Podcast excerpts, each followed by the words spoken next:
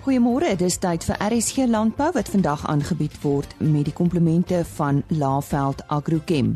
Saam boer ons vooruit. Ons gesels veraloggend oor wol skeer frekwensie, oor koffieverbouing in Suid-Afrika. Ons gesels ook met Kotie van der Berg, 'n boer daar van die Mariesburg omgewing oor sy boerdery en hy was ook voorheen betrokke by die akademie. En om mee af te sluit, aan en af jare van sommige vrugtebome.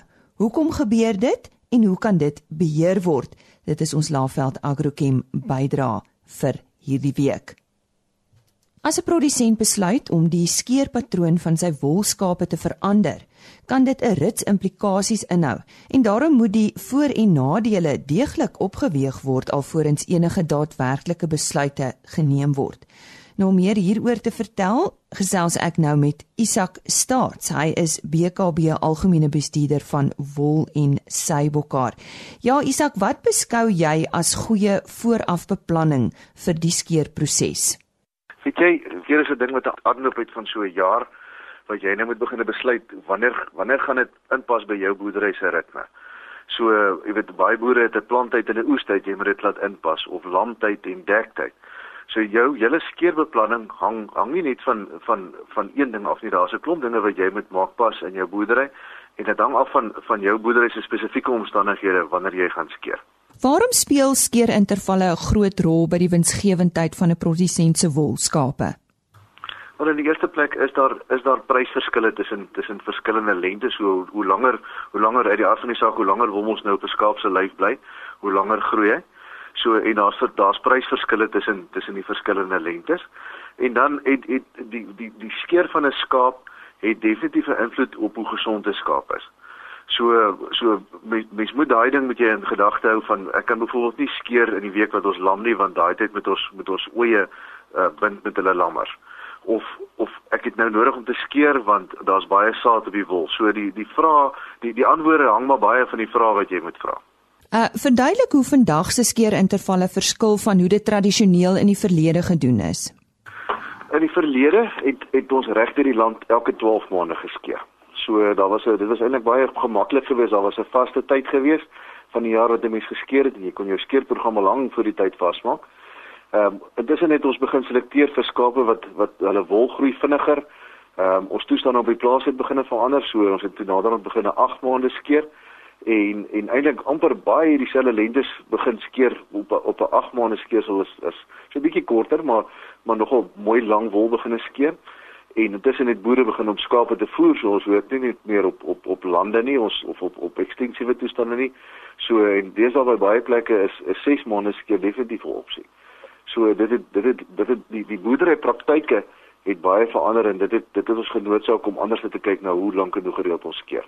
Isak, hoe word kort, medium en lang wol bepaal?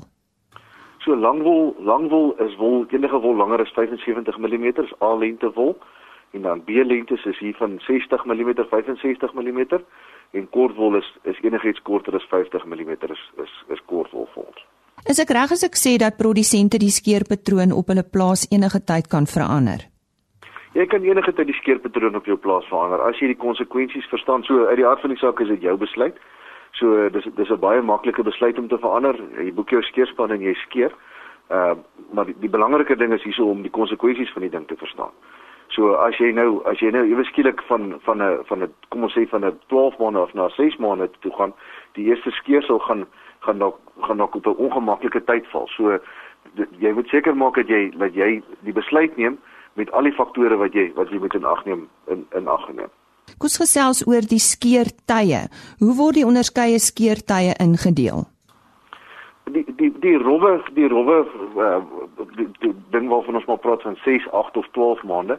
Maar daar's nie regtig 'n ding so skeertye nie. Een van die seker een van die grootste uitdagings van van 'n ding soos om 8 maande te skeer is dat dit nooit heeltemal 8 maande is nie. Ehm um, jy weet so as dat, ek en ek dink dis seker een van die voordele van die ding is as ons in 'n in 'n in 'n jaar kom waar dit verskriklik baie gereën het en ons het en die skape het kos gehad, dan kan mens dalk op 7 maande skeer. Of jy kom dalk op 8 maande en en dis baie nat en koud en dan besluit jy om skeer 'n maand uit te stel. So dis 8 maande skeer is die, is die moeilike een van die twee. 6 maande en 12 maande is is op 'n is op 'n lekker vaste patroon en en jy besluit maar jy besluit by jou by jou patroon want jy het jou spanne klaar geboek en dit pas in by jou boerdery se ritme. Isak lang skeersels, hoe word dit bepaal en dan wat is die voordele daarvan? So lank wol enigiets langer as 75 mm, so dit sal tipies ou wees wat op die tradisionele 12 maande skeer. Ehm um, voordele daarvan is baie lekker. Jou boerdery, jou boerdery, jy boek jou ding, jy kan jou ding beplan, jy skeer 12 maande, so jy kan jy kan basies jou dinge 'n jaar vooruit beplan. Lang wol, daar's 'n lekker vraag na lang wol nou in die wêreld. So lang wol skeersels is geneig om lang wol is geneig om om baie goed te doen op die veilinge op hierdie stadium.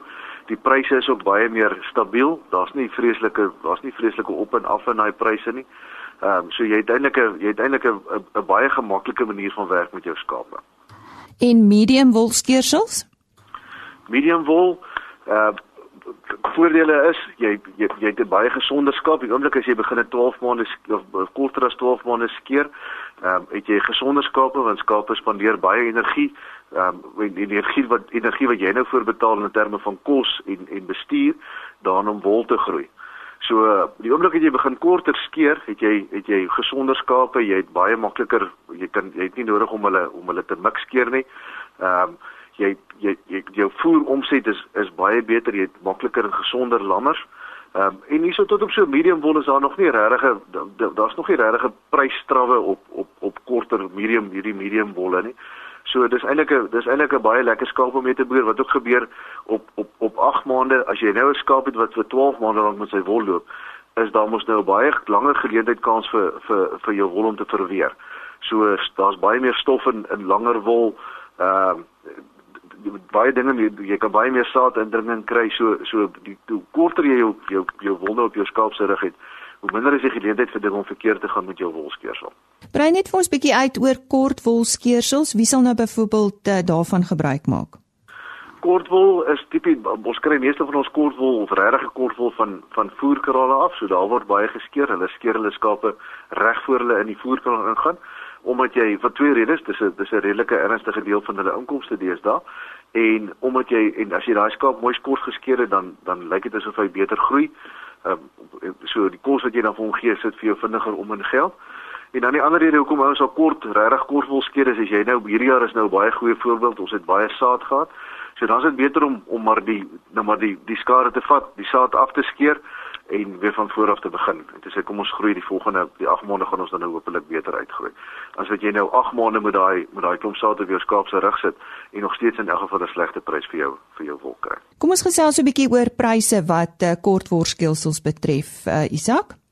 Die, interessante ding van van prysverskille tussen kort en lang wol, daar's daar's altyd 'n daar's altyd 'n bietjie 'n uh, uh, afslag wat wat op die veiling betaal word vir korter wol. So 75 70 mm wol is omtrent jou jou optimum lengte en onder dit begin daar begin die afslagte en dan hierso van van onder 40 mm of as jy hom nie meer kan kam nie dan dan begin dan is daar redelike wat die mense minder betaal vir daai wol. Die interessante ding is party daar op 'n op 'n veiling is daar net 'n bestelling vir daai vir daai kort wol en dan gaan hy maar net die presies dieselfde as as as pryse vir 'n vir 'n lang wol. So die daai kort wol mark is geneig om baie meer wisselvallig te wees as 'n as die lang wol mark. So jy kan op 'n dag kom en 'n fantastiese prys vir jou wol kry, vir jou kort wol kry. En die volgende week is daar net doodgewoonig nie bestelling vir daai wol nie en dan gaan hy maar 'n baie simpel prys. Ek het daar gesels met Isak Staat. Hy is die BKB algemene bestuurder van wol en bokhaar. Nou ons gaan later ook oor uh sy bokhaar gesels, ook oor goeie skeerintervalle. So ehm um, luister uit vir daardie onderhoud. Nou eers oor na Henny Maas. Ons uh, gaan nou 'n uh, bietjie oor koffieverbouing in Suid-Afrika praat.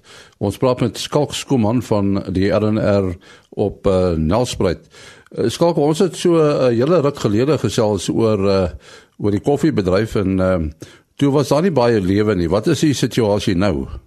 Dinge dinge het redelik verander sedert ons laas gesels het. Ehm um, het 'n uh, hele paar nuwe boere in die Sabi Huisie View ehm um, met rivier Nelspruit omgewing ehm uh, bygekom op die stadium is ek nie seker hoeveel hektaar onder koffieverbouing is nie, maar maar daar's heelwat hektaar al geplant.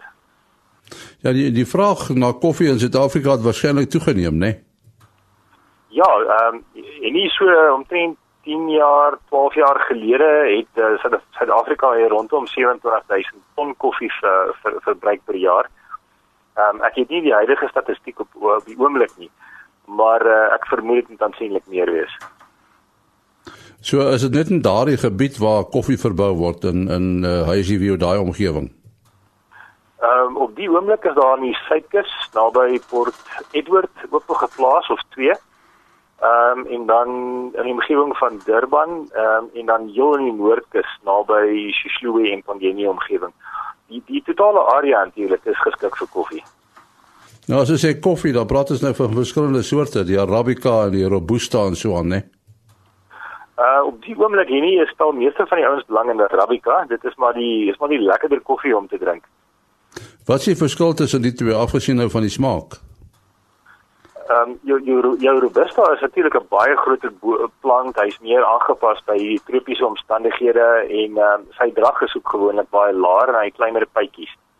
Ehm um, so ek genoem die smaak is natuurlik 'n groot faktor want die robusta het 'n baie sterker meer kruis smaak en die ouens gebruik dit gewoonlik in jou espresso's en in uh, en ook in in kitskoffies vir die uh, filterkoffiemark uh, wat waar ek dink meeste van die mense in belang stel uh, word jy ons gebruik jy ons maar hoofsaaklik arabica koffie. En dit is wat die meeste ouens nou hier so hier kwek. Dit is hoofsaaklik arabica ja. Um, ek moet bieg ek het al van die koffie gedrink en dit is 'n baie goeie gehalte koffie. Is dit 'n moeilike plant om te verbou, uh, koffie koffieboom?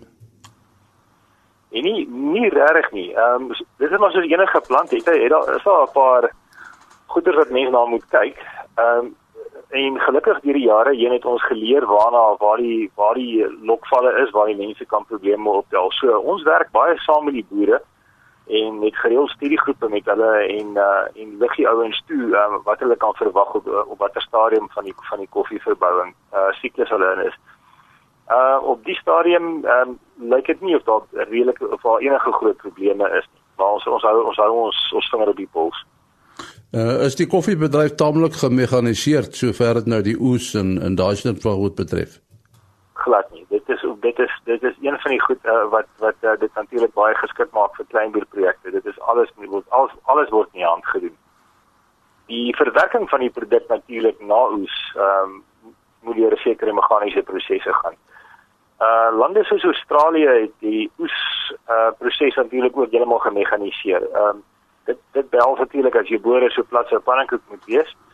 Uh Suid-Afrika is die boorde bietjie teen hellings geplant wat dit nie moontlik maak.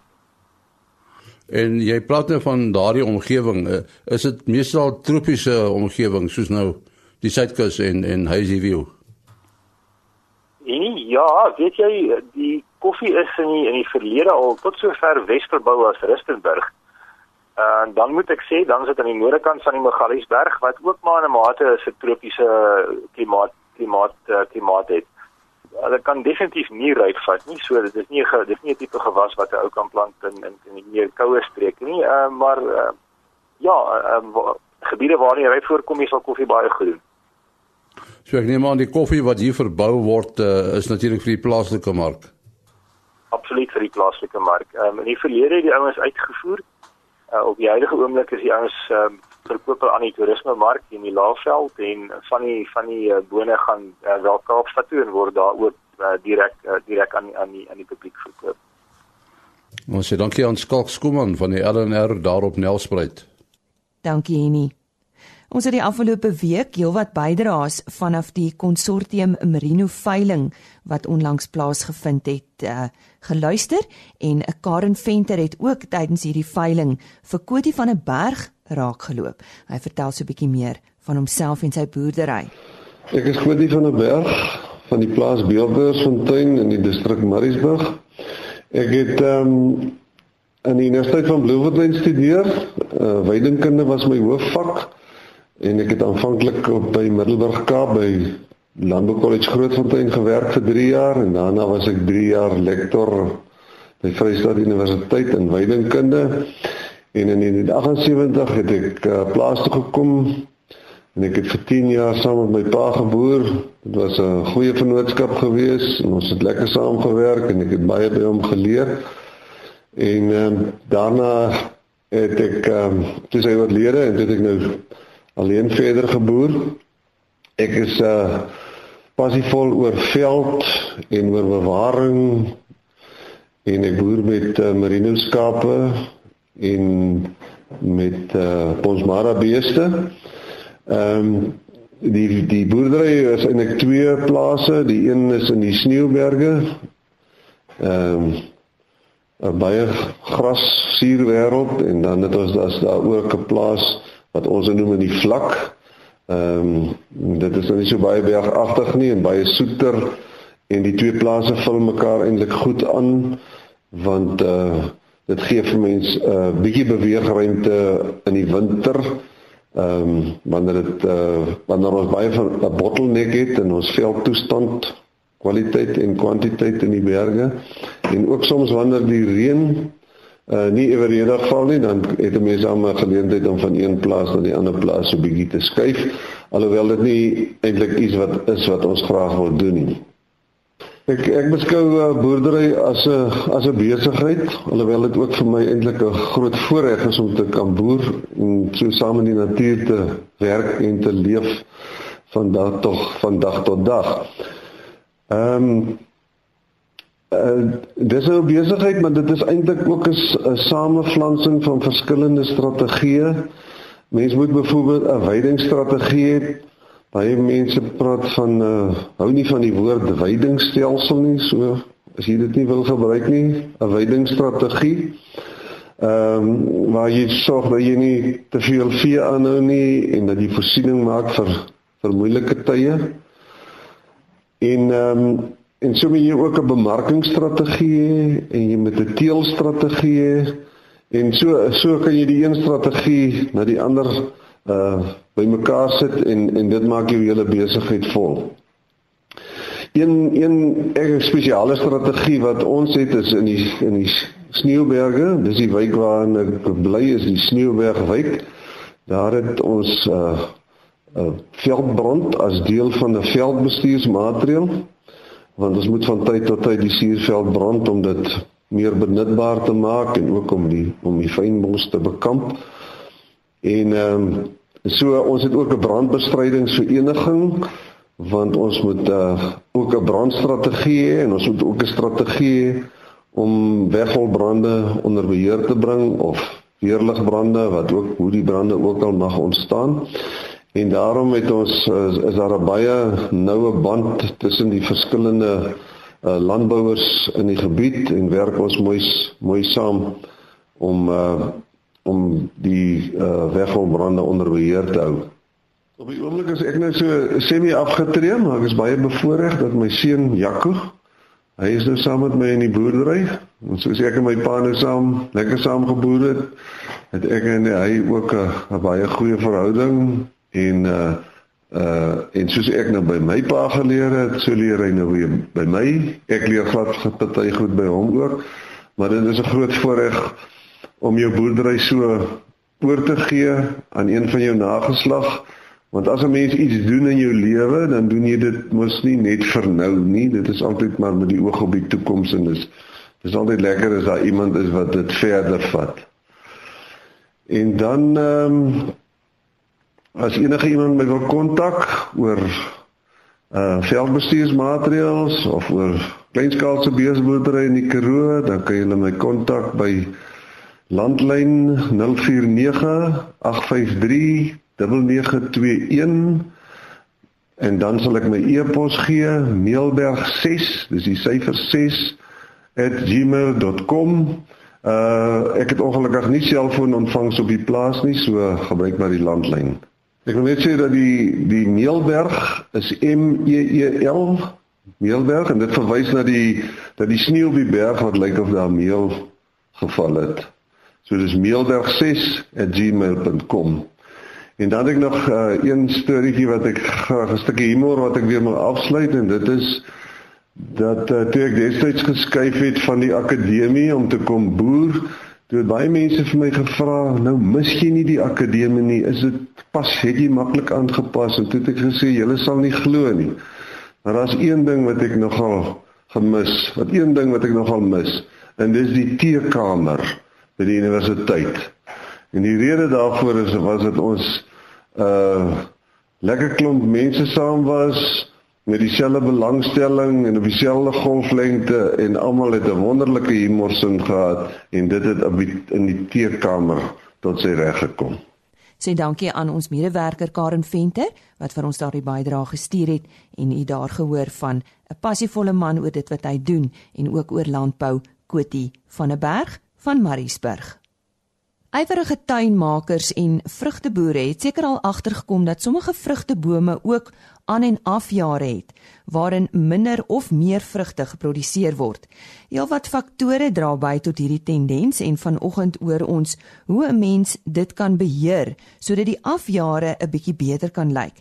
Nico Klasens is besigheidsontwikkelingsbestuurder van Laveld Agrochem en hy gesels nou met ons oor die interessante onderwerp spesifiek met betrekking tot avokados. Nico, wat is alternatiewe drag? Hierdie alternatiewe drag is soos avokados en meeste ehm uh, houtdraande gewasse. Dit is 'n natuurlike tendens en dit is sigmodale produksiekurwe. Dit wil sê die aanjaar word afgewissel met 'n afjaar. En die verskil tussen die aan en afjaar is gewoonlik meer as 50%. Dit is nie gekoppel aan 'n spesifieke seisoen nie, maar uh, natuurlike oorsake soos haal en droogte kan dit stimuleer en kan selfs die siklus uitreik. Daar is vier meganismes uh wat uh, alternatiewe drag dan tot gevolg het of stimuleer in die plant en dit is die inhibering van die vegetatiewe somerloodgroei, die inhibering van die lente-oogie ontwikkeling, die inhibering van die blomvorming en dan seker ander gewasse wat nou nie betrekking op avokados het nie, is dan 'n totale blomtros word afgespeen. Die vroeë somer vegetatiewe lote produseer omtrent so 70% of meer van die blomtrosse en 80% van daarvan uh, word dan die bepalende of die uh, vrugdraande blomtrosse. Watter nuwe inligting is beskikbaar oor alternatiewe drag by avokados? Lise, dit is 'n natuurlike proses van 'n plant om oor twee seisoene eers eintlik maar 'n sy sy sy goeie oes te lewer want dit gee hom genoeg tyd om sy oorlewing te verseker en daarom is dit nie vir nodig om elke jaar te dra nie. Maar die probleem is in ons moderne boerepraktyke en behoeftes wel egter baie groot druk nou op die natuurlike proses van die plant. En ons kan nie elke 24 jaar 24 eh, maande net 'n oes hê nie, ons wil graag elke jaar oes hê. Want dit pla, jy weet as gevolg van ekonomiese en net praktiese redes, jy weet, eh uh, maak dit vir ons meer sin om dan elke jaar 'n redelike goeie oes te hê.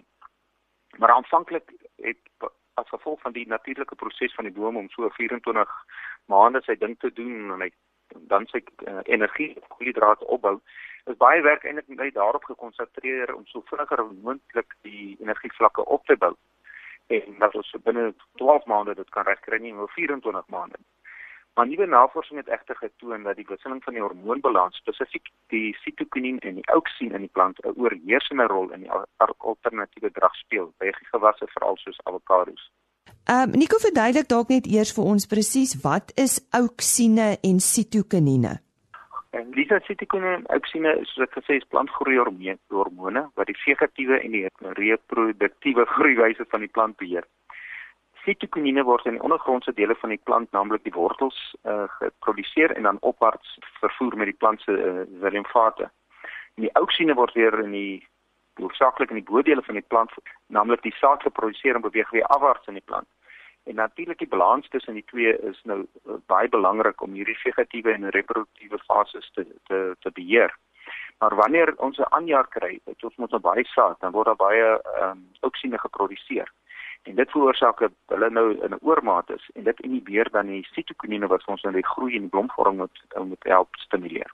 Dit veroorsaak dan dat ons dan hierdie alternatiewe drag kry wanneer die plant nou nie sy normale funksies uh, voltooi nie. Dit, dit veroorsaak natuurlik dat ons dan 'n afname in opbrengs het want uh as gevolg van die inhibering van die groei wat nie plaasvind nie asook die blomtrosse wat nie gevorm het nie. En uh ja, dan sit ons met die probleem, jy weet, en dan kry ons nie oes nie. Kan alternatiewe drag beheer word?